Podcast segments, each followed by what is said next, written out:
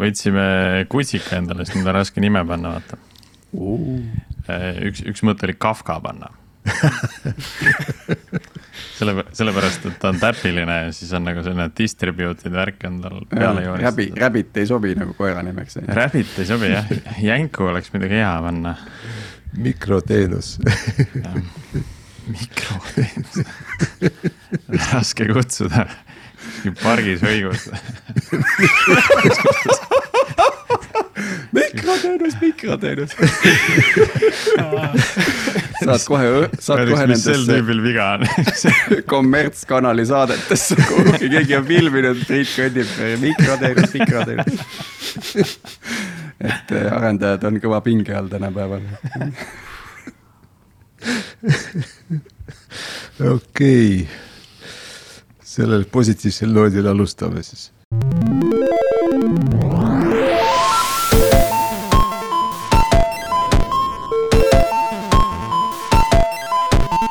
täna on kaksteist november ja oled taas Algorütmi podcasti kuulamas. mina olen Sergei Anikin Pipedrive'ist ja minuga koos on meie endiselt virtuaalses stuudios Tiit Paananen Veriffist ja Priit Liivak Nortalist. tere, härrad.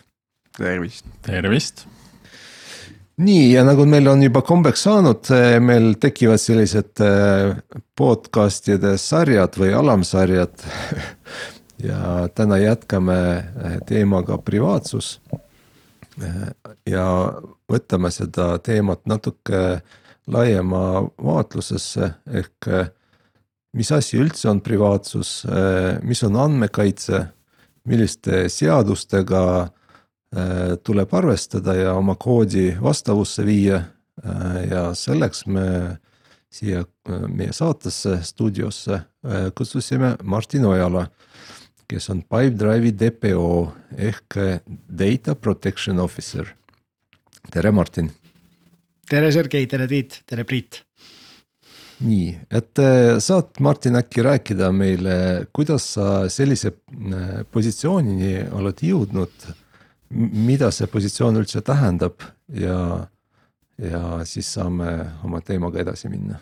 No see on pikk lugu selles mõttes, et ma liitusin Pipedrive'iga üldse kasutajatukke äh, kõigepealt ja siis ma tegin vahepeal äh, lokaliseerimist, korraldasin tõlkeid Pipedrive'i jaoks aga, aga noh, ilmselt tegelikult saab asi alguse sellest, et ma õppisin ülikoolis õigust ja üks päev, äh, siis kui me veel Paldiski maantee kontoris olime seal kuuenda korruse köögis, keegi noh küsiski mu sellise kirju tausta peale, et oota, mida sa siis lõpuks õppisid?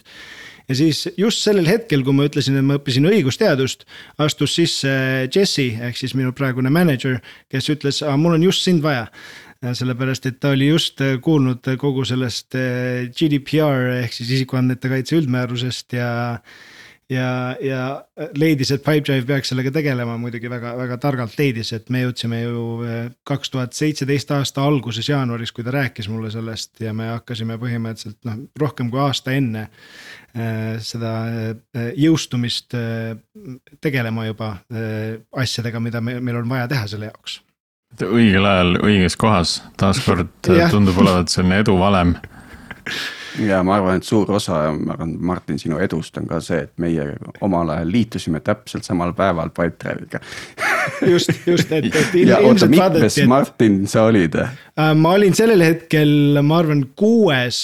et, et ma vahepeal üritasin ajada kampaaniat, et kui nagu vanemad olijad eest ära läksid, et äkki ma saan numbrit väiksemaks, aga, aga ei tahetud nagu vedu võtta. järjekorranumbrid siis. jah, just. järjekorranumbrid. just ega see lihtne ei ole, mul on priitudega sama mure, mul on ainult nagu häda on veel selles, et esimeseks priiduks me igal juhul ei saa nagu, et, et seal on üks priit ees, kes ilmselt ära kuskile ei lähe no Pipedrive'is oli põhimõtteliselt see Tajuri ja Hengiga see jama, et isegi top kolme murda on nagu selline noh, tipp, tippsaavutus mm. -hmm. no väljakutseid peab olema. jaa oota, aga räägi meile siis, mis asi on DPO, mis, mis, mida see tähendab? Kusjuures selle koha peal ma kohe nagu vabandan ette ära, et, et siin võib sellist estonglish jama natukene tulla, sellepärast et ma ei ole harjunud nendel teemadel üldse eesti keeles rääkima ja eesti keeles on need pikad ja lohisevad äh, väljendid selle koha pealt. minu arust see isikukaitse üldmäärus tuli nagu väga sujuvalt sulle. ja ma, seda ma olen harjutanud ja ma, ma reaalselt, ma, ma vaatasin täna hommikul ära, äh, noh isikuandmete kaitse üldmäärus, seda ma veel tean, aga kuidas see privacy by design või data protection by design, mis need üldse eesti keeles on. et, et, et natukene valmis olla. aga igatahes TPO eesti keeles äh, isikuandmete kaitse üldmääruses tõlgitud kui andmekaitseametnik, mis on ebamõistlik ilmselt tegelikult siis andmekaitsespetsialist. Äh, äh, ja, ja eesmärk on siis, selle positsiooni eesmärk on see, et sul on keegi ettevõttes, kes on nagu väike kontrollmehhanism selles suhtes, et et isikuandmete kaitse nõudeid ja eesmärke arvestatakse erinevates organisatsiooni osades. et ja, ja noh, on, see on sisuliselt nagu ettevõttesisene konsultant. et Pipedrive'i puhul ma pean ütlema, et ma olen, ma olen seda natukene arutanud ka Jessiga varem, et ma olen nagu kujunenud selliseks võib-olla seadus kujutas ette, et see TPO on nagu selline pooleldi nagu vastaspool, eks ju, et ettevõte teeb nagu asju ja TPO kontrollib Pipedrive'is äh, noh, see oleks ebamõistlik, ma, ma looks vähe väärtust Pipedrive'ile, kui ma ise ei oleks selle lahenduse osa. et, et, et selle võrra võib-olla sellest äh, natukene kõrvale kaldunud sellest seaduses kitsalt ette nähtud rollist, aga, aga kindlasti põnevam niimoodi, et kui saad ise ka olla nendes protsessides sees. aga kas see ongi nii, et põhimõtteliselt seadusega on määratud, millist äh, rolli või positsiooni ettevõte peab endale palkama? jah nii, nii ongi põhimõtteliselt ja, ja, ja siis on need erinevad äh, juhendid ja arvamused, varem oli see äh, teatud äh, article twenty nine working party, nüüd on see Euroopa Andmekaitseamet. Nad kirjutavad mingeid juhiseid, et kirjeldavad, et, et kuidas, kuidas ja mida üks TPO peaks tegema.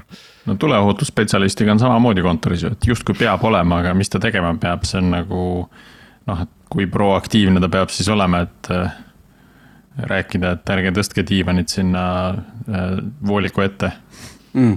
kuule, aga Martin, sa võtsid TP rolli, et kes seda siis nii-öelda enne sind äh, täitis? kuidas see, kuidas see nagu tavaliselt kujuneb, et, äh, et kui TPO-d eraldi ei ole, et kus see siis paikneb, see funktsioon? see on, see on nagu selline, ma arvan, et sarnaseid ülesandeid ajasid erinevatel firmadel esiteks keegi juristide poolelt, kindlasti infoturbejuhid ja, ja siis osad võib-olla mõned reguleeritumad, reguleeritumates valdkondades tegutsevatel firmadel on ka need compliance juhid, eks ju.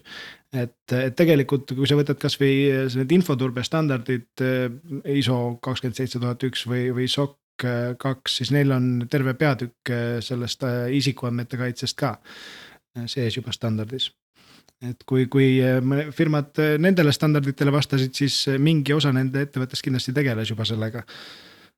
aga, aga, aga jah, seda ametit kui sellist ühe inimese kätte ilmselt ei olnud.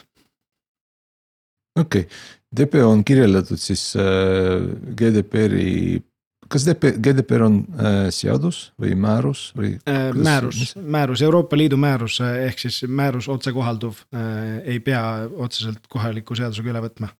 aga miks see oluline on?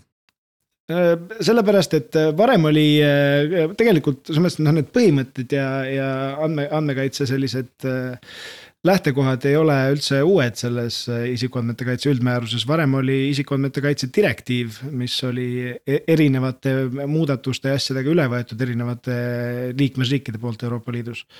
et, et mingil hetkel otsustati, et, et need põhimõtted äh, on ja, ja väärtused on niivõrd sarnased, et ei ole mõtet äh, jätta sellist riigi tasandil kohaldamisele või erisuste jaoks väga palju ruumi. et see üldmäärus nat-, mingi ühe või kaks kohta jättis, kus riigid saavad ise otsustada midagi, aga, aga ülejäänud on kõik kõigile ühe puuga. aga ma mõtlen lihtinimesele, miks see oluline on, mina nii-öelda tavainimesena, äh, mis minu jaoks on muutunud, on see, et, et enne kui ma sain veebilehte lugeda, siis nüüd ma praegu, praegu noh, pean cookie sid kas decline ima või aktsepteerima ja alles siis eh, saan ma veebilehte lugeda, et. sa puudutad siin sellist teemat, et ma arvan, ma võin mingisugune kümme minutit rant ida sel teemal, mis ma nendest cookie dest arvan. aga rant ime Except all cookies and all privileges. ühesõnaga, siin on nagu selline natukene, natukene soovimatu äh, kõrvalnäht, ma arvan, sellel isikuandmete kaitse üldmäärusel et äh, tegelikult see, see cookie'de probleem ei ole üldse isikuandmete kaitse üldmäärusest, vaid selline asi on nagu see e-privaatsuse direktiiv, mis on meil vist elektroonilise side seaduses üle võetud. ja seal on äh, seda cookie'de asja eraldi reguleeritud, ehk siis äh, andmete paigutamine termi-, terminal equipment'ile aga ühesõnaga ja, ja noh, fundamentaalne probleem ongi see, et minu arvates ei peaks neid cookie sid reguleerima teistmoodi kui muid isikuandmeid, aga millegipärast on nende nende jaoks eraldi mingisugune artikkel kirjutatud eh, sellesse direktiivi. Eh, ehk siis ühte teise õigusakti ja, ja, ja noh see põhimõtteliselt on, on siis see, et kui muidu võib isikuandmeid töödelda ka õigustatud huvi alusel, siis millegipärast noh, näiteks, et sa võid teha analüütikat oma toote kohta õigustatud huvi alus, alusel. aga cookie't, oma veebilehe analüütikat sa Euroopa Liidu arvates ei või teha õigustatud huvi alusel. et selle jaoks pead küsima nõusolekut et äh, minu jaoks läheb nagu natukene absurdseks ja see on nagu selline. mul on mõne koha peal, ma üldse ei taha nagu halvasti öelda ja ma loodan, et, et, et keegi seda nagu. aga, aga ikka ütle ütleme ikka, et no veits on provokatiivsem. et seal on nagu vahepeal paistavad nagu sellised asjad, et, et nagu, et äh, vanad mehed on teinud äh, mingisugused otsused sellepärast, et nad päris täpselt ei saa aru ja kardavad mm. -hmm. aga ühel, minul, minul mulle... kohe tuli nagu see mõte, et, et, et vastata Sergei küsimusele, ma loodan, et ta kuuleb mind. et mis on siis muutunud minu kui kasutaja jaoks? üks, üks väga oluline asi, mis on muutunud, on, on see, et nüüd ma juba nagu täitsa teadlikult otsin igasugustest süsteemidest seda kohta, kus ma saan enda konto ära kustutada. Minul arendajana tuleb tihti ette seda, et ma lähen katsetan mingit asja, avastan, et tegelikult on ikka ilge jura ja, ja varem need kontod kõik jäid sinna, lihtsalt mm -hmm. nagu noh, ma enam ei kasuta, ma sain võib-olla mingit äh, äh, newsletter eid, see läks nagu spämmi korras. aga nüüd ma otsin nagu sihilikult üles kohe selle koha ja kui seda ei ole, siis ma saadan meili neile ja tegelikult väga hästi reageeritakse ja öeldakse, et jah, paneme kinni, kustutame ära mm.. jah, aga Martin, ma tahtsin küsida seda, et äh, et äh, kellele siis GDPR nagu kohustuslik on, et äh, see on nagu Euroopa Liidu määrus, mis on otsekohalduv nendes riikides, aga. aga ma saan aru, et kõik, kes tahavad Euroopas teha äri, peavad kuidagi sellega tegelema või? Jah, äh, see kriteerium sisuliselt on see, et kui sa töötled Euroopa residendi andmeid, isegi see ei pea kodanik olema, kui inimene, kes elab Euroopas, tema andmete töötlemine on äh, nagu selle määruse reguleerimisalas. kas siia lähevad ka Eesti e-residendid? kusjuures see on väga hea küsimus, ma arvan, et vanamehed ei mõelnud selle peale et, et, et, et seda, seda võiks äh, argumenteerida täitsa. -hmm. ja nüüd, kui ma olen see ande, andmetega töötleja nii-öelda Euroopa Liidu residentide andmeid ma hoian, kasutan. siis seal on ka mingid erinevad levelid, eks ju, et yeah. Eh, kas, jah. ja selles mõttes, et, et, et seda noh, peamiselt kaks, kaks sellist rolli ja siis on see vastutav andmetöötleja ja volitatud andmetöötleja. et tegelikult see noh, enamik kohustusi on sellel vastutaval andmetöötlejal, kes otsustab, mis andmeid töödeldakse ja kuidas ja kus ja nii edasi, tema nagu otsustab need eesmärgid. ja tema ülesanne on siis, siis controller. jah, controller äh, ja, ja siis see processor on tegelikult lihtsalt selle controller'i teenusepakkuja, kes täidab mingisuguseid ülesandeid controller'i jaoks, aga, aga temaga on selles mõttes nagu lihtsam lugu, et. et ta lihtsalt täidab käsku, tal on sisuliselt kaks kohustust. täida käsku ja ära rohkem mitte midagi tee andmetega ja taga andmete turvalisus, kõik mm. -hmm. et kui neid veel nüüd korraks nagu lahutada, et siis äh, äh, controller on see, kelle, kes siis haldab neid andmeid, kes kogub äh, minu kui kasutaja andmeid, eks. aga ta mingitel hetkedel võib anda selle portsu andmeid kuskile analüütika ettevõttele, öelda, et tehke mulle mingi, mingit maagiat selle pealt. Ja, ja see analüütikaettevõte on siis nii-öelda see protsessor pool, kes siis mm. -hmm. teeb oma maagia ära ja kustutab seejärel andmed ära, sest neid äh, pärast seda enam rohkem vaja pole neile mm.. aga see, kui ma kasutan, ütleme, ma olen Euroopa ettevõte, ma olen protsessor, aga ma host in oma asju äh, Amazonis, Ameerikas. kus on nagu andmed salvestatud, mis, mis see Amazoni roll seal on siis? Amazon on ka äh, see processor, volitatud töötleja, aga lihtsalt äh, Ameerika Ühendriikides ehk siis Euroopa Liidust väljas, mis toob sulle kõik igasugused äh, andmete edastamise jamad ka veel kaela. et seal on, seal on terve ports rõngaid, millest tuleb läbi hüpata. aga kui ma host in Iirimaal, siis on nagu, nagu asi on lihtsam see, see on, see on selline väga hea vaidlemise küsimus või arutamise küsimus, et. et ütleme, et sul on Amazonil on Iirimaal serverid, eks ju, aga tal on emaettevõte USA-s. et, et kui need probleemid, mis USA-ga on välja toodud, et luure, luureasutustel on selline suhteliselt äh, piiramatu ligipääs asjadele. et äh, ta võib tegelikult ju nõuda emaettevõttelt äh, ka, et kuule, anna oma, oma tütarettevõtte asjadele mulle ligipääsu. et selles mõttes on, on, seda on tegelikult, seda ei ole väga realistlik takistada, kui, kui see NSA ikkagi tahab äh, mingisuguseid, kui sa kasutad mingisugust suurt platvormi, mis ei ole sinu enda mingi on-premise asi. kuigi noh, ma ütlen, et Euroopa poole pealt äh, öelda, et, et meie nüüd teeme kõik nii hästi, on, on, on natukene nagu silmakirjalik ka, sellepärast et ma arvan, et see oli mingisugune kuu või poolteist tagasi, kus oli Taanis oli suur skandaal, kus Taani oli lihtsalt andnud ka NSA-le mingi tervele kaablile juurdepääsu, et noh, kuidas me siis nagu paremad oleme selles mõttes okei okay., aga nüüd ma olen Eesti ettevõte, aga mul on üle maailma on kliente, eks ju, ja Euroopa residentidega ma tean, mul on see GDPR GDPR, eks ju, mul on seal see TPO paigas, mul on see oma staatus paigas, kus ma olen protsessor, kus ma olen controller, kõik jutud. aga nüüd ma tegelikult pakun üle maailma kodanikele teenuseid. et mis on nagu veel need asjad, millega ma pean nagu arvestama? No tegelikult noh, me, me räägime nagu sellest, mis Pipedrive'i ka võttis, eks ju, Pipedrive'il on mingi sada, saja viiekümnes erinevas riigis kliente või noh, kasutajaid, eks ju, et. et hakata neid erinevaid äh, riike analüüsima, nende õiguskeskkondi on nagu natukene absurdne.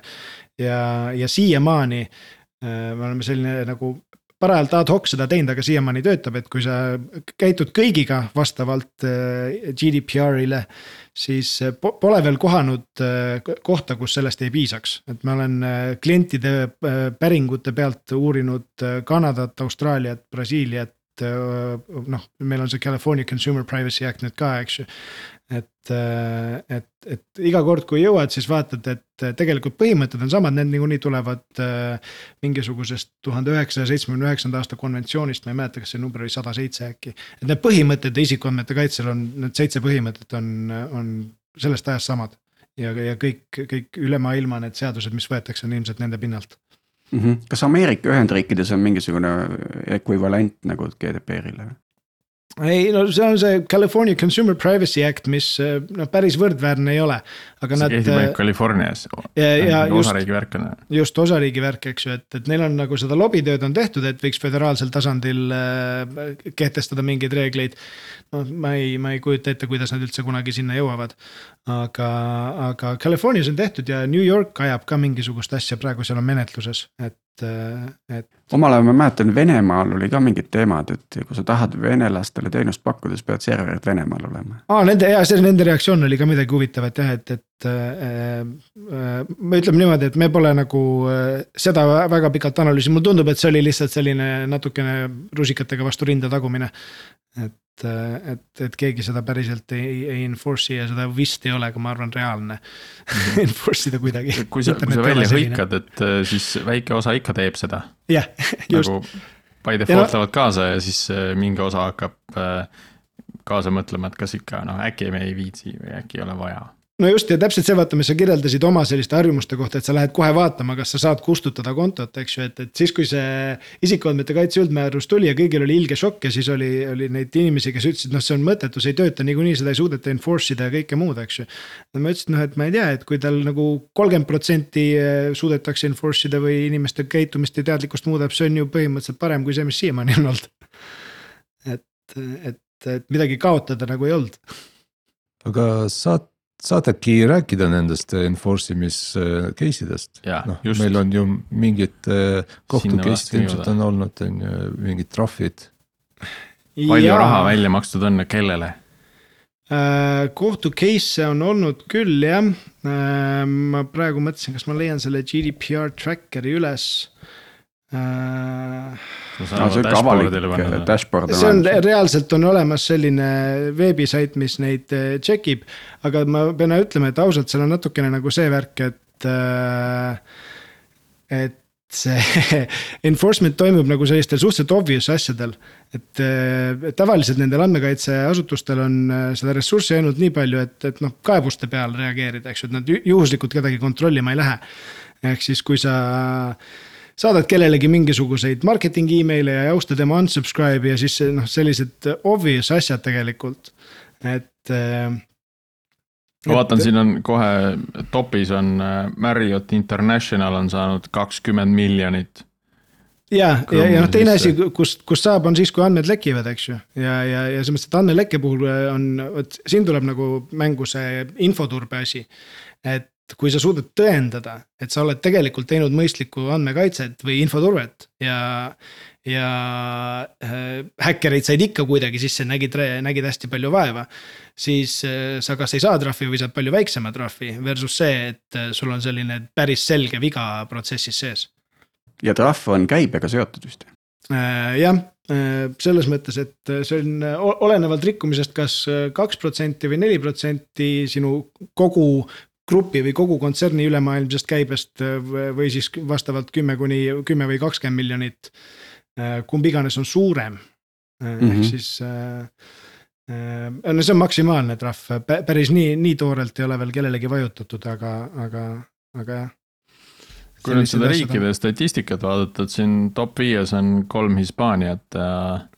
ja ülejäänud on sellised unikaalsed näited, et Hispaanias paistab olevat kõige kehvem see seis kas kõige kehvem või, või kõige, kõige tundlikumad või, või kuidagi tundlikult. kõvasti peale kaab, kaebajaid seal jah, et ilmselt lähevad kiiresti põlema ja kui sa kohe ära ei, ära ei kustuta ja, ja, ja lendavad andmekaitseametisse peale. aga seal nendes GDPR nagu sätestab need reeglid, aga need reeglid on vist ka sageli üsna hägusalt seatud, et mul tuleb ette näiteks selline unsubscribe'i näide, kus panin meilile unsubscribe. tuli, tuli mulle uus meil selle peale, et aitäh, et unsubscribe isid.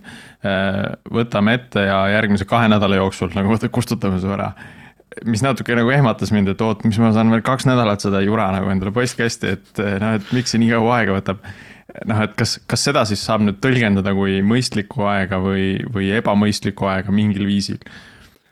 no Eesti, Eesti kohtus kindlasti saab selles mõttes, et äh, meil on seda mõistliku aja asja päris palju määratletud ja arutatud alati. et et noh, see, see on jah, ma olen nõus, et see on absurdne, et, et sul mingisuguse, sul on andmesubjekti päringu täitmiseks kolmkümmend päeva aega eks ju, et see unsubscribe ei peaks võtma kolmkümmend päeva aega mitte mingit viisi. et ja, ja praktikas no ma, ma ütlen, et me, meil on ka nagu aeg-ajalt ikka neid päringuid, kuigi me oleme selline B2B business rohkem.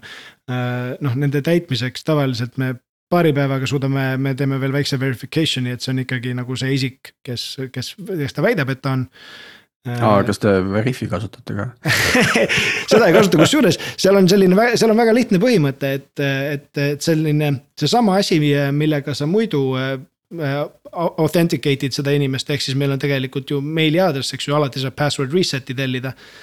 Äh, samal tasemel peaks see kontroll olema ka selle, selle andmesubjekti päringu täitmisel.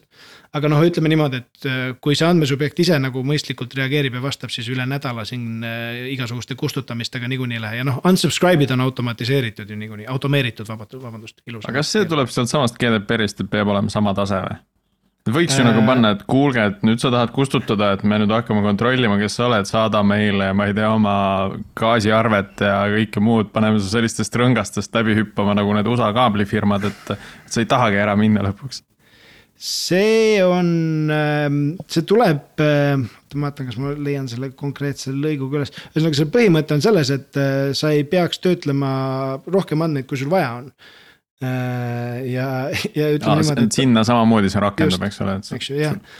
et samamoodi, et kui sul on data minimization, eks ju, meil on nüüd veebilehtedel al, alkohol, alkomüüjate veebilehtedel on see, et. et osad küsivad sisesta sünnikuupäev, no mille jaoks? sul ei ole mu sünnikuupäeva vaja, sul on vaja kinnitust, et ma olen üle kaheksateist aastane.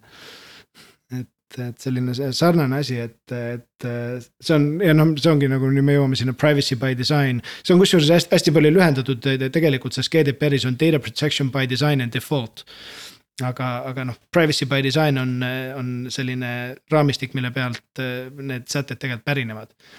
ja, ja see, ja see on nagu üks sellistest nagu elementaarsetest asjadest seal, et, et ära kogu rohkem, kui sul vaja on.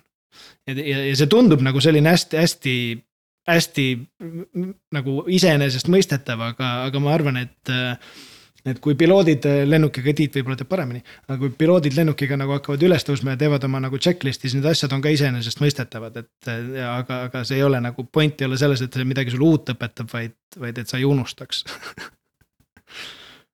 ma arvan, et arendajatele on see tegelikult üsna raske noh, see säte, et ära, ära korja andmeid rohkem, kui sul hetkel vaja on, sest arendajad ju planeerivad ette, et nad juba näevad ette, et okei okay,, täna see minimum äh, viable product ehk see äh, nõue, mida on vaja teha, on tegelikult alles algus ja tulevikus meil kindlasti tuleb veel nagu ideid ja nõudeid ja igaks juhuks korjame ka andmed, et saaks neid tuleviku nõudeid ära täita, nii et, et mm. -hmm et kuidas seda balanssi näida ja mi, mis see, mis need tööriistad võib-olla üldse arendajatele, noh, me räägime siin privacy by design, aga mis asi see on privacy by design?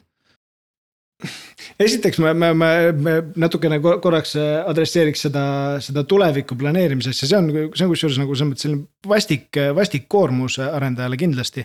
et, et seadusest tuleb põhimõtteliselt kindlasti nagu see, see, see põhimõte välja, et, et noh, et I might need it in the future ei ole nagu piisavalt hea põhjendus andmete töötlemiseks.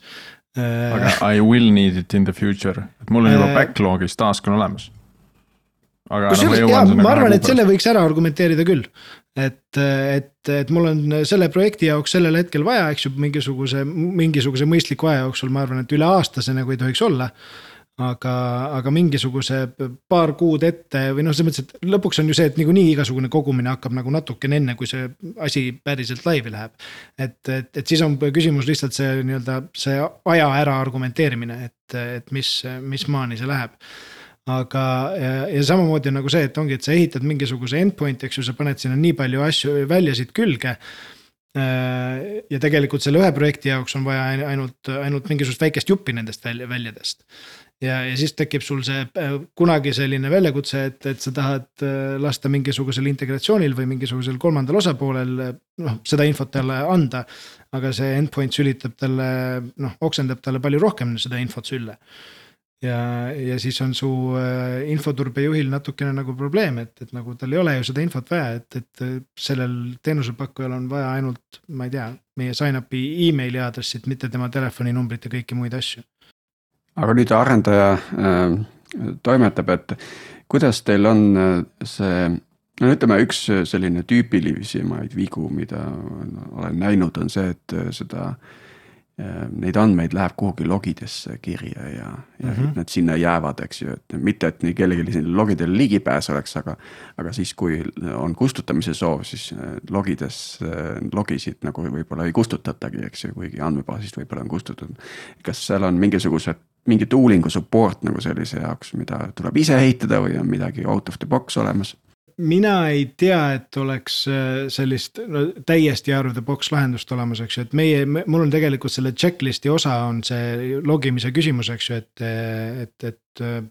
et igasuguste missioonide puhul, äh, et ja, ja noh, point ongi nagu see, et ma ei saa isegi sinna checklist'i otseselt ära kirjutada, mida sa logima pead.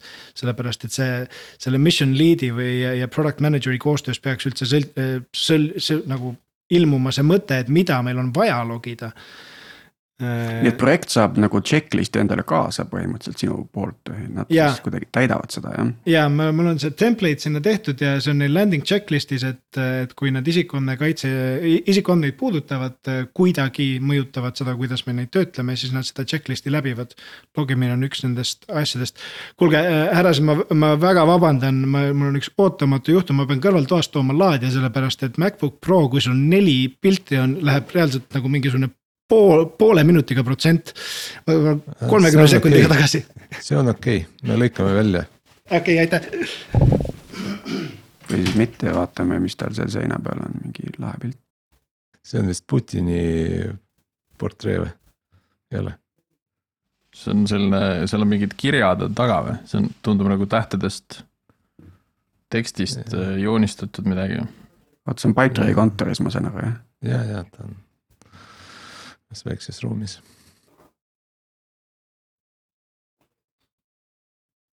aga nüüd saame siis äh, Martini tulemuslikkusest rääkida, Sergei, kui, kui rahul äh, sa oled Pipedrive'is Martini töö ja tegemistega? räägime taga. et äh, noh, Pipedrive'i finantstulemused äh, mõni päev tagasi siin käisid uudistest läbi, olid suurepärased. Palju õnne sulle selle puhul. nii, just vaatasin, et, et sada protsenti kõik aku oli täis, kui, kui siia maha istusin. Mm. nii palju siis sellest. ära muretse, me rääkisime sind taga vahepeal. okei, Priit küsis okei, kuidas ma rahul olen sinu tööga. tegime sulle kiire performance review, et äh, Ah, see on normaalne, meil ongi see aeg ju. aasta lõpp, see on performance review aeg. See on täiesti uus tase sellest äh, transparency'st ja openness'ist. just, just. selles mõttes on see, see on äh, tegelikult õige küsimus, et kuidas hinnata selle äh, DPO või noh, sinu rolli vajalikkust ja kasu ettevõttele on ju. Sest äh, noh, olgem ausad, ega iga ettevõte ei suuda ilmselt sellist äh, inimest, noh eraldi inimest hoida endale on ju. Või noh, nagu Pipedrive tu- on kaks inimest võtnud lausa. aga see on nagu, see on natuke peale. nagu turvaekspert, et, et kui ta on, siis sa tegelikult ei näe nagu midagi, eks ole. aga siis, kui turvaauk on, siis on nagu noh, siis on no. kõigil silmad punnis peas ja jama majas. aga kui ta oma tööd hästi teeb, siis ei juhtu nagu mitte midagi, kõik on hästi. Selles mõttes on, me oleme oma tiimi sees, meil on selline nali, et ongi, et meie nagu, et noh, meie edu ei kogegi põhimõtteliselt kunagi, et me koge-, nagu meie edu on see, kui asjad on vähem halvad.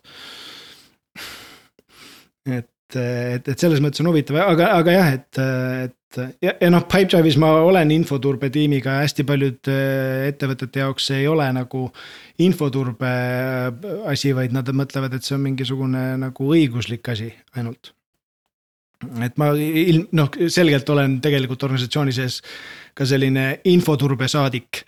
et Mm. mm. ega ma Kuule, aga ainult, ainult andmekaitsest ei räägi. Eestis ka, kas on nagu suuremaid asju või praegu ausalt öeldes ei tule ette endal küll, et. kaks case'i on, ma vaatasin seda tracker'ist, vaatasin järgi. mm. -hmm. politseinik sai nelikümmend kaheksa euri ja siis mingisugune korteriühistu, ma pakun, on see sai viis sotti. et just, pole nagu midagi teravat. Ma pole nüüd äh, viimase aasta jooksul kontrollinud, aga mingil hetkel oli minu arvates andmekaitse inspektsioonis tööl äkki üheksateist inimest, et selle ressursiga teha veel nagu selles mõttes, et ma noh, ma arvan, et ongi nende see parim mõju saab olla mingisuguste juhendite ja asjade koostamine versus see, et hakata mingisuguseid case'e seal taga ajama. no neil saavad mingisugustele meilidele vastata ja, ja, ja võib-olla mõne, mõne korrale kutsuda, aga mingisugust trahvimenetlust ja asja. No väga-väga raske teha, ma arvan, selle ressursiga. aga selle võlu on kusjuures see, et äh, tegelikult äh, noh, andmekaitse subjekt äh, või andmesubjekt, et noh, kui ta mujal Euroopas on, siis ta võib kaevata mujal Euroopas. ta ei pea, ta ei pea Eestisse tulema kaebama, sellepärast et näiteks Pipedrive asub Eestis.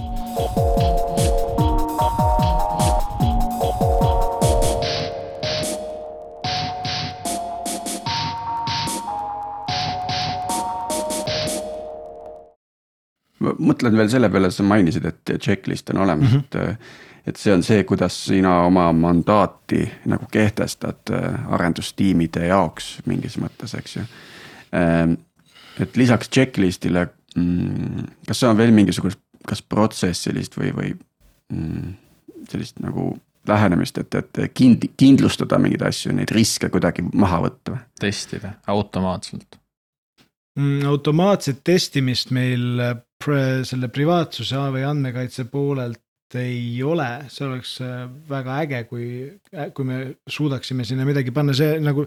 ma olen kusjuures äh, uurinud, seal on isegi mingisugune selline huvitav dokument või äh, äh, nii-öelda standard on ka loodud privacy by design for software engineers ja, ja, ja lootsin, et seal on nagu sellist, et, et midagi, kuida-, kuidas nagu rohkem selgeks teha seda checklist'i või seda privacy by design'i just arendajatele. ja tegelikult see oli ikkagi endiselt väga üldine. et ma mäletan, kui ma alustasin selle, selle checklist'i loomisega, see, see välja, väljakutse arendajate ja arendajatele serveerimisel ongi just see, et nad tahavad konkreetseid ülesandeid. Äh, nad ei taha su käest äh, küsimust, nad tahavad juhist.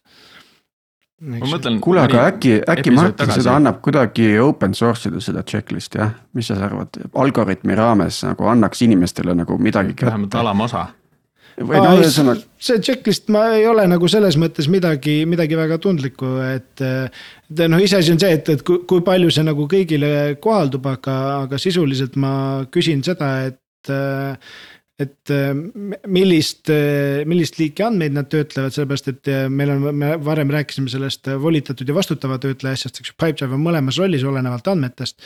et kas nad koguvad Pipedrive'i kasutajate kohta andmeid, mis teeb meid nagu selleks vastutavaks töötlejaks või siis Pipedrive'i kasutajate ka, äh, klientide kohta, eks ju, see, see info, mis on Pipedrive'i kontode sees, see, selle suhtes me tegelikult mingeid ise mingisuguseid otsuseid vastu ei võta ja seda enda huvides ei töötle. et sellisel juhul peab see, see asi, mida nad ehitavad, olema selline customer facing, eks ju, et, et asi, mida me pakume, teenus, mida me pakume kliendile mõni episood tagasi me rääkisime contract testing ust ja mul nagu praegu klikkis see siin, siin mingisugune seos ära, et. et Martin, sa ka ütlesid või tõid ka välja selle ühe sagedase vea, et API-dest antakse välja liiga palju andmeid mida tegelikult ei kasutata. kui nüüd ongi selline põhjalik contract testing peal, siis sealt tegelikult annaks tuvastada seda, et aga sul seda contract testi selle andme, andmekillu jaoks ei ole, et äkki sul siis pole tegelikult seda vaja sinna saata ka või sellel kliendil mm -hmm. pole seda mm -hmm. nii-öelda, et ta ei küsi nagu testina seda, seda andmekildu. Et järelikult ta ei kasuta seda, et põhimõtteliselt võiks API-st nagu selle välja võtta.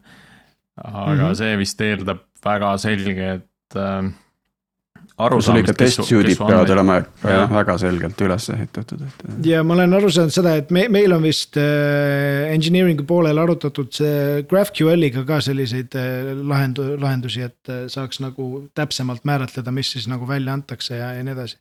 aga, aga sellel on ka oma, oma äh, selline overhead, ma saan aru, et, seda on palju keerulisem ehitada.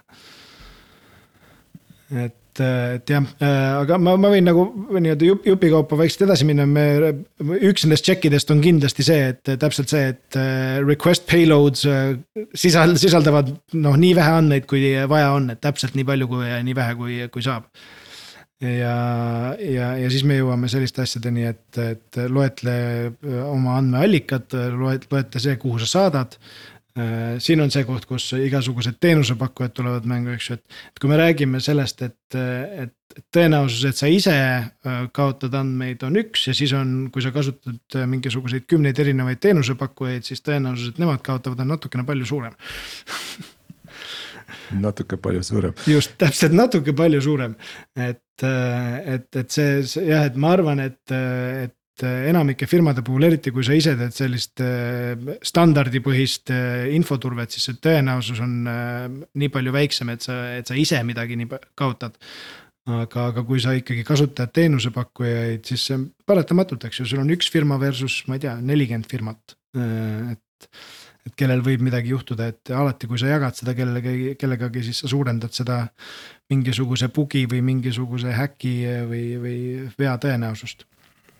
Ja, ja siis me jõuame selle checklist'iga sinna, et äh, see on nüüd natukene arendajatele nagu selgem asi olnud, et äh, tuleb ehitada äh, lahendus selleks, et need andmed kustuksid mingite parameetrite järgi automaatselt ära et, et sellist juppi, sellist asja, et, et andmed niimoodi nagu ripakile jäävad, see, seda ei saa lubada. et see on kusjuures üks huvitavamaid asju, mis me tee-, see oli ma arvan, see oli esimene suurem asi, mida me tegime selle isikuandmete kaitse üldmääruse jaoks äh, Pipedrive'is. ja mul on siiamaani alles, ma alati ütlen äh, Aivole Tartus äh, shout out äh,. ta saatis mulle mingil hetkel statistika nendest, nendest noh, et palju me siis andmeid ära kustutasime Äh, seal oli noh, mingisugune äkki oli kuuskümmend kaheksa tuhat äh, SQL database'i ja, ja, ja äkki oli sada seitsekümmend üks miljonit faili, mis on siis email'id ja failid, eks ju. mis oli Pipedrive'il, äh, see oli kaks tuhat seitseteist aasta, oli veel käes lihtsalt sellepärast, et me ei kustutanud vanu kontosid. keegi polnud seda nagu oluliseks pidanud et. ja tegelikult selle mikroteenuste maailmas keerukaks äh, läheb see, et igal mikroteenusel on oma äh, andmestore on ju, et, et mm -hmm. koht, kuhu nad oma andmeid salvestavad. ja ilmselt partitsioneerivad kliendi andmeid kuidagi omamoodi ja nüüd, kui sa tahad sellist üldist teenust, et okei okay,, selle kliendi andmed kustutame ära. sa pead käima ja iga, igat mikroteenust paluma, et kuule, et kustuta nüüd see ära ja siis noh, see on iga mikroteenuse enda asi, kuidas ta seda teeb ja siis ta seal võib vigu teha, noh näiteks kustutab andmebaasist, aga failid jäävad ripakile. ja kuna mm -hmm. noh, sul viidet failidele enam ei ole, siis sa ei tea, millised faile sa pead ära kustutama, sest sul need eh, viited on kõik juba enne ära kustutatud jah, ja, ja selles mõttes, et ja noh, selle endpoint'i loomine, eks ju, me kasutasime esimest korda ju seda migraatorit hoopis nende kustutamise jaoks, eks ju, et kuna noh. migraator obviously otsib kõik andmed üles, ta teab, kus asjad on, siis sama hästi see on lihtsalt kas copy või kustutamine. eks ju, et, et äh, aga jah, nende mikroteenustega on, äh, aga see on jällegi, see on lihtne asi neile, see on selge, see on arendaja, see on nagu noh, sellega mul küsimusi tavaliselt ei ole. see on konkreetne on ju, aga arhitektuurselt siin tekib ikkagi natukene küsimus, et kas jätta siis nende mikroteenuste vastutada. või lahendadagi see kuidagi keskselt ära, mis siis äh, omab mingisugune lahendus, mis omab ligipääsu kõikidele baasidele ja, ja failisüsteemidele ja mis ilmselgelt ei ole nagu äh, hea mõte, et kui sul on üks, üks koht, mis kõikidesse kohtadesse ligi saab. aga jällegi see annab sulle hoopis nagu teistmoodi kontrolli, et sul on hea ülevaade sellest, mida sa siis kustutamas käid noh no,, siin see... ma jällegi vaidleks, et, et ega see keskne koht ei suuda jälgida, eh, mida need mikroteenused juurde teevad. noh, see on, see, see, see ei ole ühekordne effort, ma arvan, et see on üks oluline asi, et see data, data protection ja data protection by design eh, on protsess. Et iga kord, kui sa teed midagi juurde, sa pead mõtlema, et kuidas see mõjutab seda data privacy't, kas sa pead sinna kustutamisfunktsiooni midagi juurde tegema või, ja nii edasi, et, et. see on, see on, on kusjuures väga hea point, et, et, et nii-öelda järjepidevalt seda teha ja see on see, miks me seda checklist'i teeme ja kui sa võtad need in, infoturbe standardid, eks ju, räägitakse sellest, et sa peaksid. perioodiliselt kontrollima mingisuguseid asju, näiteks, et me, me, sa peaksid vähemalt kord aastas kontrollima äh, oma neid andmete kogumise kohti, et kus sa kogud andmeid ja eks ju. et ma just sain meie audiitoritele seletada, et noh, et kui me kord aastas seda teeks, see oleks täiesti absurdne et äh, aastaga muutub see asi nii palju, et, et seda tuleb jooksvalt teha, et äh, et. no siis et, nad olid pigem positiivselt äh, üllatunud jah, jah, aga, aga lihtsalt, et ongi, et selle, see nii-öelda noh, et kui, kui varem mõeldi, et sa saad nagu ühe, ühe korraga midagi nagu teha, siis, siis selle puhul noh, kindlasti mitte eriti, kui kõik nüüd agile ehitavad ja, ja deployvad, ma ei tea, mitukümmend korda päevas ja. ja iga, iga nädal mingisuguse uue toote välja sülitavad. aga äh, hüppaks korra nende reeglite ja nende kehtestamise pealt sinna veel ühe definitsiooni juurde, et eh, mis asjad need isikuandmed üldse on. kuna see on ka selline hägune ja segane teema, et ühelt poolt eh, noh, öeldakse ju, et need on kõik andmed, mille kaudu sa suudad isikut tuvastada mis ja, ja andmete kombinatsioon, eks yeah. see, see ka veel on ju. et, et kui sul on mingisugune andmete kombinatsioon, mille kaudu sa suudad isiku tuvastada, siis kõmm, see kombo ongi isikuandmed see on ja noh, mille, mille pealt suudetakse tänapäeval isikut tuvastada. kolm lauset teksti ja, ja tuvastab ära üks, üks nutikas ai, kes, kes kirjutas, kui tal mingisugune võrdlusmoment on. seega kolm lauset teksti eh, kuskil ilma igasuguse muu identifikaatorita võib, võib olla isikuandmed põhimõtteliselt eks ju selle definitsiooni järgi. ja, ja no ja, ja see on selles mõttes, et sa, tõstad jumala, jumala ägedaid asju, mul on just tulevad need asjad üles, mis mind, mis mind häirivad või selles mõttes, et olles nagu infoturbega lähedalt kokku puutunud ja. ja mulle tohutult meeldib äh, mõelda sellest isikuandmete kaitsest, infoturbest just riskist lähtuvalt, eks ju. et, et see, et meil on äh, põhimõtteliselt üks ja null, eks ju, kas on isikuandmed või ei ole isikuandmed. Äh, ja, ja seadus on nagu sellest lähtunud ja reguleerinud on tegelikult noh, natukene, natukene lihtsustatud ja see, see põhjustab probleeme. et, tegelikult peaks ju isikuandmetest äh, rääkima nagu see, see kaitse-eesmärk ei ole, ei ole nagu niisama ainult isikuandmeid kaitse, kaitsta, see eesmärk on kaitsta isikut eks ju, et, et et, et, et noh, kui mul on kolm, kolm lauset teksti või, või, või mingisugune, mingisugune tema, see, mis nupule ta vajutanud on Pipedrive'i konto sees, siis see ei ole sama info kui tema isiklik telefoninumber või, või kodune aadress. eks ju, aga, aga reguleeritud on need ühtemoodi minu jaoks äh, Nortal, kui see GDPR tuli, äh, me panime ka kokku ühe toote, et ettevõtetel aidata siis tuvastada seda, et kust neil üldse isikuandmed on, sest kõik need asjad olid baasidest laiali ja, ja ja tuli välja väga üllatavaid asju. et põhiline selline probleemi, üks probleemi allikatest oli selline kommentaariväli. ükskõik, kus sul on kommentaariväli, sinna sattus sisse kas siis inimeste krediitkaardi andmeid, inimeste isikukoode, mingit mudru. et ükskõik, klient helistas tugiliinile ja pandi sinna kuskile case'i juhtumisse siis kirja kommentaari välja, sellise krediitkaardi numbriga proovis maksta, aga ei õnnestunud ja, ja et, et selliseid asju nagu tuvastad, siis, äh, siis jälle jõuame sinna, et, et, et kuidas see arendaja siis üldse nagu seda saaks kinni püüda.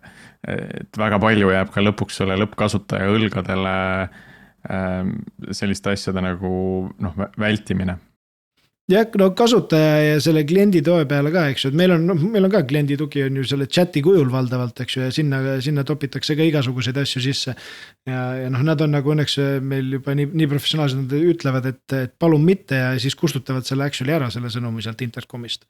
et, et, et seda sinna ripakile ei jääks, aga noh, üldiselt sellist, äh, sellist kohta, kus seda struktureerimata andmeid niimoodi koguneb, neid on, neid on palju, noh, ettevõtted kasutavad Slacki, eks ju. et jagatakse seal mingisuguseid äh, faile, screenshot'e ja nii edasi, noh, noh screenshot'id. see ei leia seda mitte kunagi üles, et, et seal mingisugune kliendi kontost tehtud pilt on, eks ju, et, et mis seal sees on. ai, ai, OCR-i vaja ja siis. ja no hakkad just hakkad kõikidega, no ma ei kujuta ette, millist nagu jõudu see nõuab, et, et, et hakata seda niimoodi üles leidma. aga siin noh, siin taaskord ma arvan, et, et, et siin tuleb seda riskipõhist lähenemist teha. et, et ikkagi eh, leida neid andmeid, mis kujutavad endast mingisugust ohtu ja, ja mida võib-olla keegi üritab, üritab kätte saada.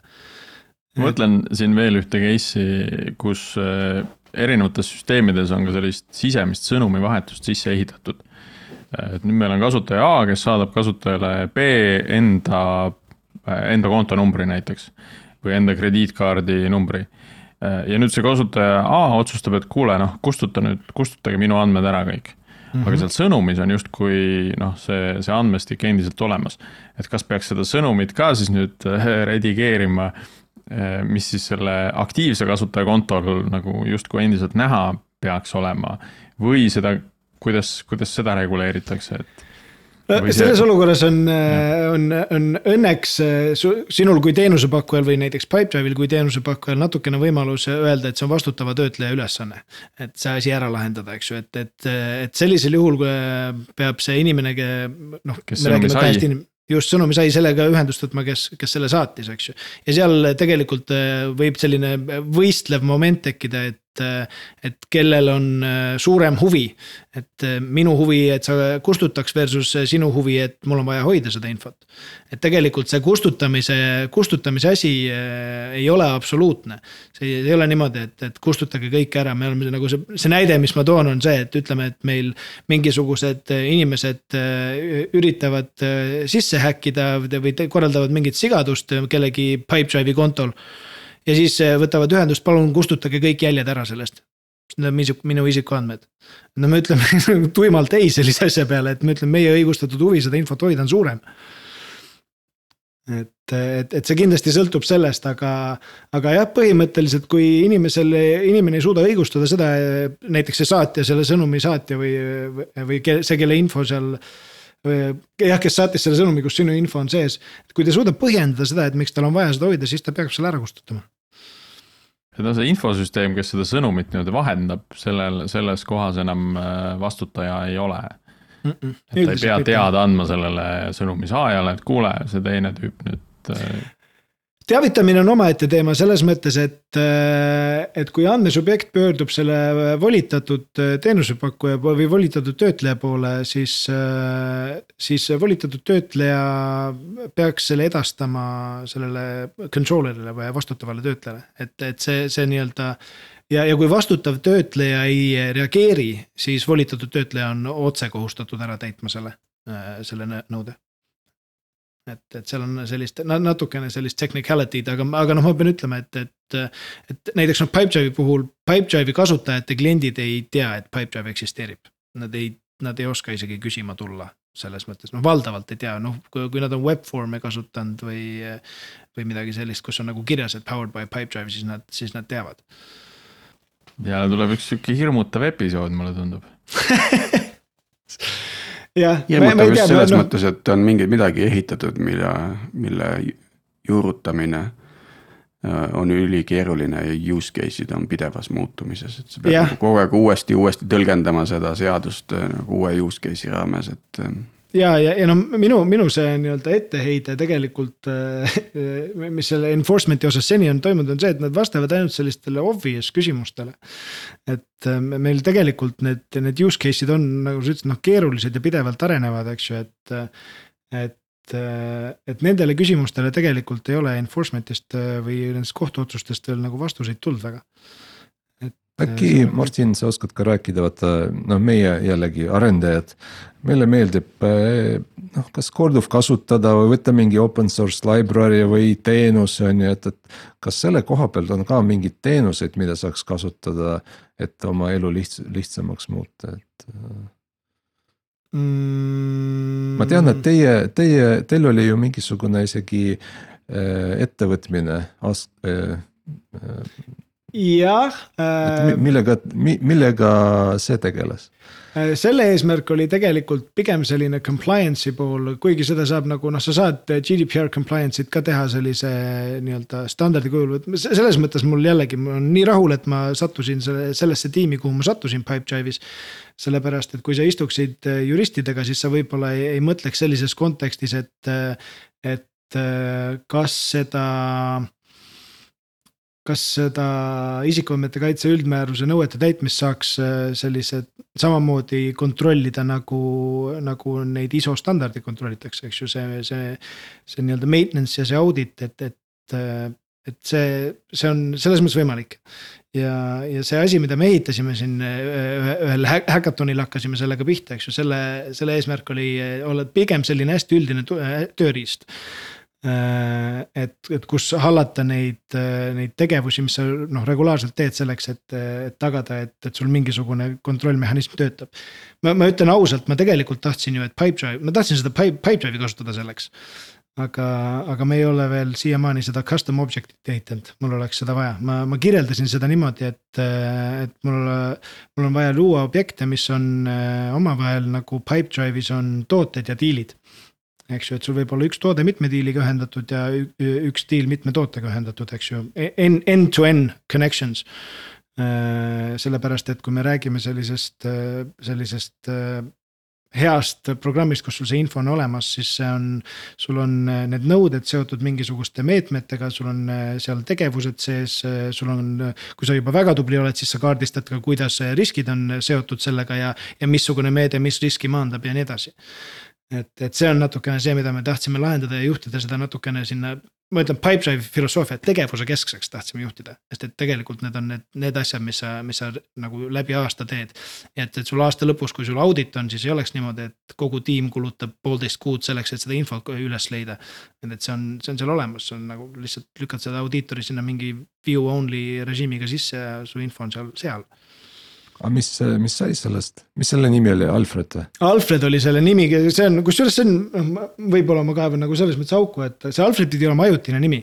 see oli nagu code name, sellepärast et, et siis, kui ma sinna häkatonile läksin, siis ma bussis mõtlesin äh, üldse seda pitch'i välja. ja, ja mis selle nimeks võiks saada ja siis ma natukene mõtlesin sellise, see nii-öelda selle Batman'i ja, ja Robini ja selle Alfredi peale, et see Alfred võiks olla selline, selline butler, kes tuletab sulle igal ajal asju meelde ja, ja, ja, ja võtab su töö tulemuse ja paneb ilusti hoiule aga, aga me vaikselt nikerdame seda, on natukene venima läinud see koroona asi, selles mõttes oli huvitav, et kui sul on selline mitte väga põhjalikult sisse töötanud tiim, siis, siis see remote asi on nagu raske, meil oli nagu kokku saades oli selline väga-väga äge sünergia. aga, aga siis siis kui me enam kokku ei saanud, see kuidagi nagu natukene nagu takerdus. aga see vaikselt, vaikselt nikerdame. okei okay., et lootust on jah, lootust endiselt on, praegu. ma saan aru, et tegelikult pa... Äh, turul ei ole väga selliseid tooteid. või need on väga kallid? väga kallid on ja, ja nagu ja, ja nad on natukene liiga keerulised, võib noh, võib-olla siin on noh. ma, ma pean alati nagu kaaluma ka varianti, et mina eksin, et võib-olla see ongi nii keeruline. kui nüüd tööriistadest tundub, aga mina lihtsalt oma, oma lolli peaga tahan seda lihtsamaks mõelda eks ju, et, et, et minu jaoks, kui me tegime seda ISO audiitori koolitust ja seda kõike seda asja, see maailm läks nagu hästi-hästi nagu ma kuidagi taandasin selle enda jaoks ära, et see on hästi ühtlase mustriga. mida, mida oleks võimalik palju lihtsamalt serveerida, kui see praegu on nendes tööriistades ma saan aru, et see on üldi, üldiselt nagu Eestis see probleem, et inimesed mõtlevad probleeme lihtsamaks ja hakkavad lahendama et äh, hästi paljud tegelikult e-, edukad startup'id on mõeldud mingi keeruka probleemi lihtsamaks ja, ja siis äh, lahendavad selle ära just ja, ja noh, see ongi nagu see naljakas, et äh, meil on see praegu see ramba tööriist, eks ju, seal on niimoodi, et, et noh, et iga see objekt näeb täiesti erinev välja, seal on need erinevad väljad ja erinevates kohtades ja see noh, seda, seda programmi ära õppida ja täielikult kasutada on, on, on lihtsalt nii keeruline. No ja me ei räägi. see ramba on nagu infoseki tööriist põhimõtteliselt. jah, see on jah, aga point ongi selles, et ta peaks, seal on need elemendid, seal on külje peal minu arvates äkki mingi kaheksa või üheksa nii-öelda item'it seal sidebar'il. Need expand ivad igaüks veel neljaks või viieks asjaks ja, ja me kasutame nendest kahte kõigist nendest mingist kolmekümnest, neljakümnest asjast. sellepärast, et need connection'id lähevad omavahel nagu noh, nii, nii segaseks ja, ja, ja noh, seal on okei okay,, seal on mingisugused ilmselgelt arhitektuurilised valed otsused ka tehtud, sellepärast et. sa teed seal mingi asja ära ja see teises kohas ei kajastu ja homme kajastub eks ju, et, et nagu sellised, sellised asjad, et, et äh, aga noh, see on, see on soodne tööriist. et äh, mingisugused, äh, ma olen nagu uurinud, me oleme Pipedrive'is üritanud neid paremaid leida. ja, ja mitmekümne tuhandega nagu noh, vaadanud ja mõelnud, et noh, et okei okay,, kui ta ikkagi on nagu super, siis, siis, siis hästi. aga igalt poolt on midagi natukene puudu jäänud eks nad hinnastavadki seda vastavalt selle riskile. jah, ja noh, ettevõtted, kes selle probleemiga tegelevad, eks ju, neilt saab ju rohkem küsida juba, nad on ilmselt nagu suuremad juba. ma jäin äh,, meenutasin äh, meie ühte esimest episoodi äh,, kus me rääkisime, Sergei, sina rääkisid sellest, et kuidas mingid integratsioonid äh, süsteemides jäävad püsti, äh, mida tegelikult enam ei kasutatagi. et noh, teed küll päringuid, mingi webhook on olemas, on ju, aga seal taga enam keegi ei vasta, et selline noh, sihukest äh, andmeprügi teenust oleks vaja või andmeprügiveo teenust, et mis tuvastaks ära, kus need äh, ripakil asjad on, olgu need siis ühendused või, või siis andmed, eks ole kusjuures minu meelest me rääkisime sellest umbes aasta tagasi, et kuidas sa mäletad seda. ja, ja et see, see tuleb nagu jälle uuesti, et, et noh, et see GDPR üks asi, mis ta vähemalt teinud on, et ta on, ta on väga tugevalt tähelepanu toonud äh, äh, sellistele teemadele. ja, ja see on äh, kahtlemata selline positiivne märk, et äh, võib-olla siis äh, läheb veel veidi aega ja siis me saame sellise andmepürgivedaja teenuse ka, et kes, kes suudab need connection'id üles leida ja piltide pealt igasugused screenshot'ide pealt äh, kätte saada need isikuandmed ka äkki. Jah, selles mõttes, et see jah, andmeprügiteenus, teine asi on nagu see, et kui sa algusest peale nagu tead, et võib-olla, võib-olla nagu asjad, mis nagu nüüd ehitatakse, ehitatakse natukene nagu paremini äh, selle, selle pealt, et see on juba praegu oluline, eks ju. Mhm. kaks tuhat kaksteist aastal see ei olnud sellises, sellises keskpunktis. ma võin tuua nagu noh, näiteks, eks me kasutame seda segment'it, eks ju, kogu info jookseb või no hästi suur osa Pipedrive infost jookseb läbi segment'i, eks ju, segment'isse saadetakse, segment saadab edasi. kui sul on tegelikult selline nii-öelda noh, ma ei saa öelda pudelikael, kuna ta saadab kiiresti asjad edasi, kõik on hästi.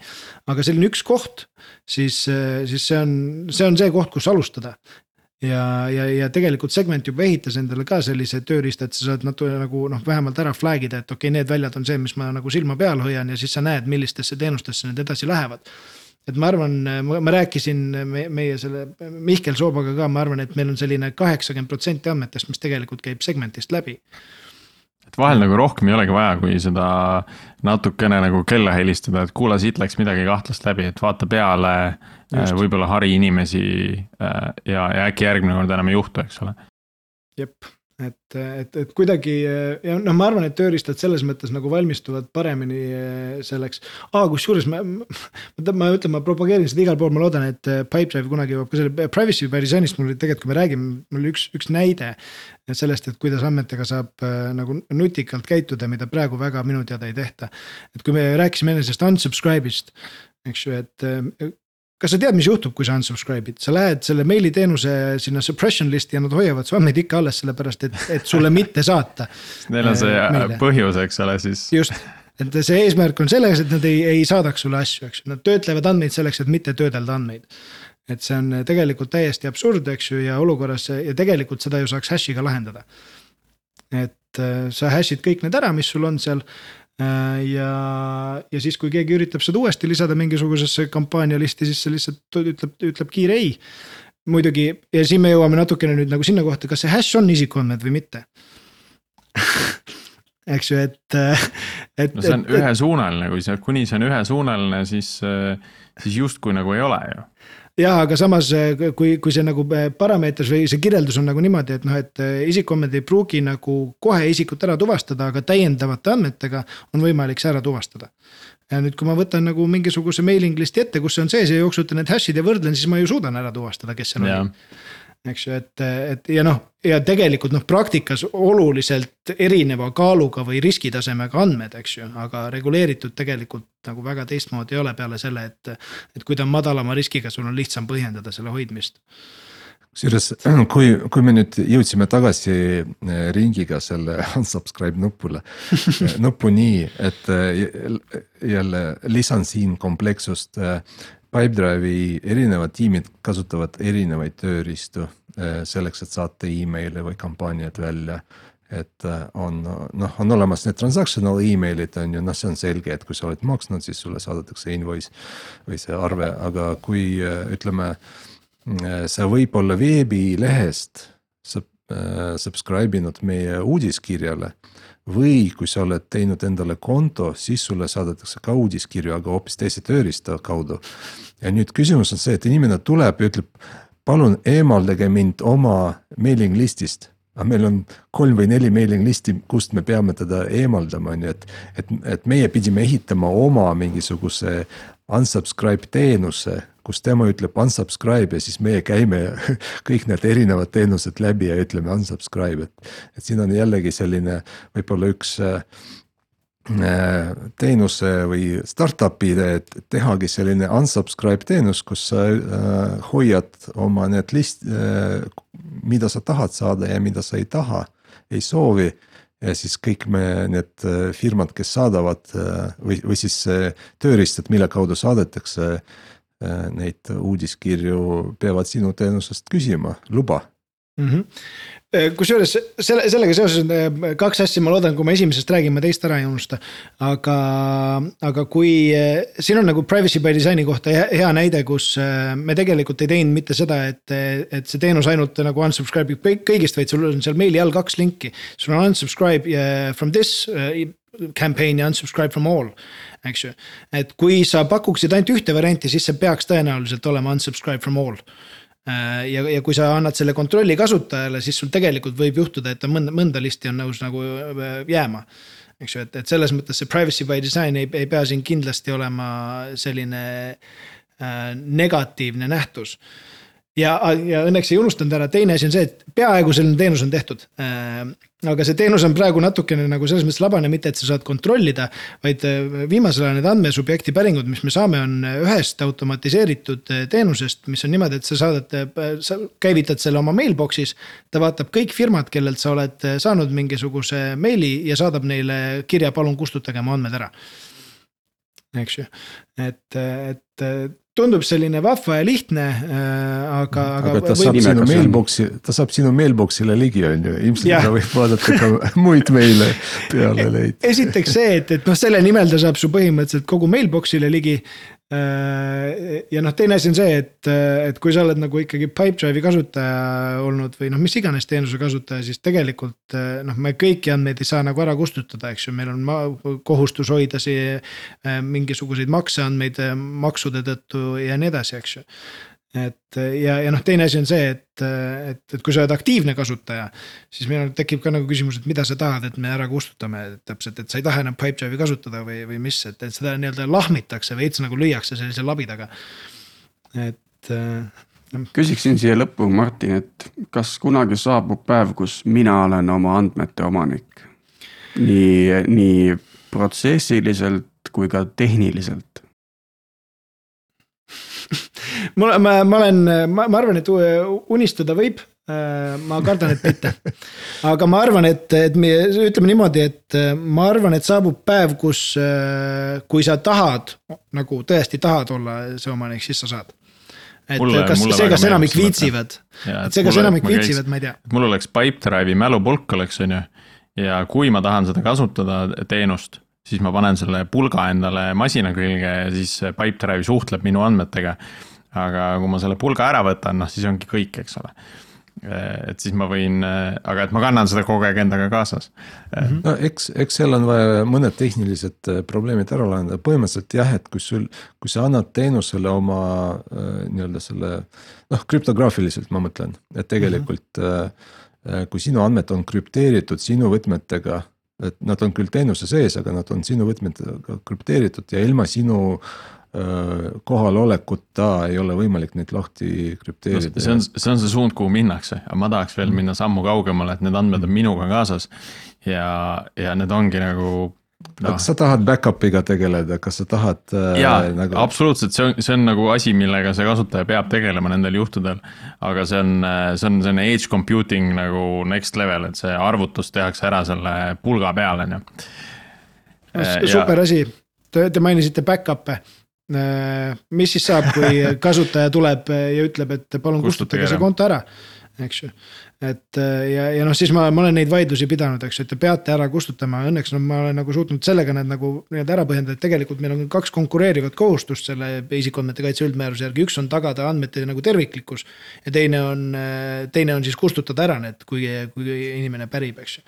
ma olen ikkagi suutnud nagu selgitada, et ja noh, me tegelikult lühendasime seda, seda äh, tähtaega. siis kui, siis kui me hakkasime seda asja uurima, et me kuuelt kuult lükkasime kolmele kuule, et kolmest kuust peaks piisama ja, ja, ja põhjendamegi seda just sellega, et meil on kohustus tagada andmete terviklikkus ka ja see, see tähendab seda, et, et nagu back-up'i noh, sa ei saa, back-up'i ei ole mõistlik kustutada, siis nad ei teeni oma eesmärki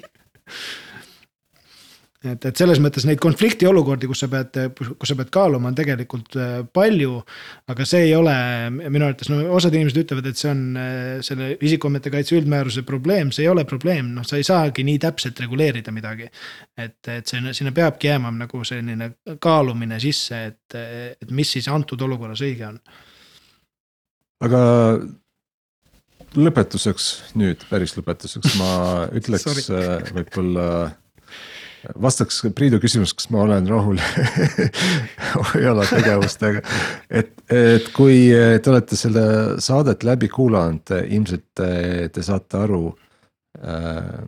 kui oluline tegelikult mitte nagu tõlgendada täht äh,, tähti on ju seda seadust, vaid ikkagi otsida neid võima-, võimalusi, kuidas neid rakendada, minu meelest see on kõige suurem väärtus, mida just Martin nagu oma oma olemuselt meile siiamaani on pakkunud, et, et suur tänu sulle. aitäh, jah, olen, olen sihtinud seda, aitäh.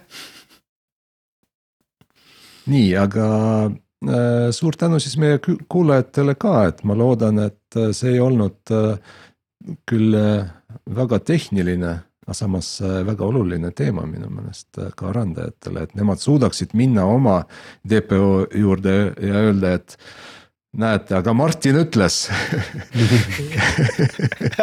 ja siis sellest äh, areneb vestlus ja loodetavasti ka, ka mingisugune mõistlik lahendus.